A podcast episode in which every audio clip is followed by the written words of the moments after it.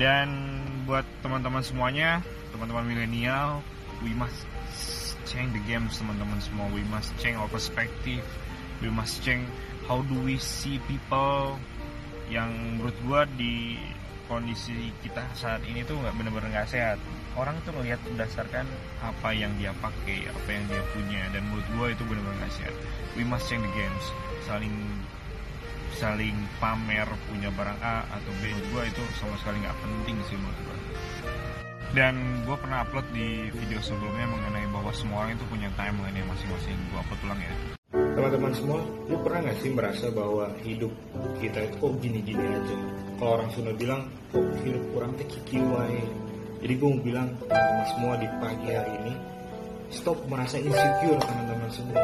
It's okay, di umur yang 30 lu belum punya kerjaan yang tetap. It's okay, di umur yang 21 lu belum lulus sarjana.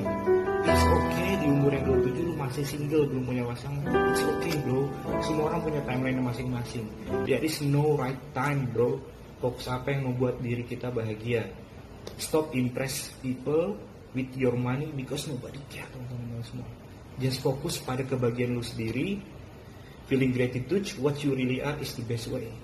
Oke dari gue sekian pagi hari. Thank you. Assalamualaikum warahmatullahi wabarakatuh. So teman-teman semua stop merasa insecure karena semua orang itu punya timeline masing-masing. There's no right time dan gue cuma bilang bahwa hidup itu nggak cuma sekedar tentang bayar cicilan, nggak cuma sekedar bagaimana memenuhi semua komentar dan kritikan orang-orang yang ada di sekitar kita. Dan hidup itu nggak hanya sekedar persaingan antar milenial dalam hal pembuktian yang gue juga bingung. Semua orang di milenial sangat berlomba-lomba dalam hal pembuktian sesuatu gitu. Dan menurut gua hidup tuh nggak hanya sekedar itu teman-teman semua. So we must change our perspective.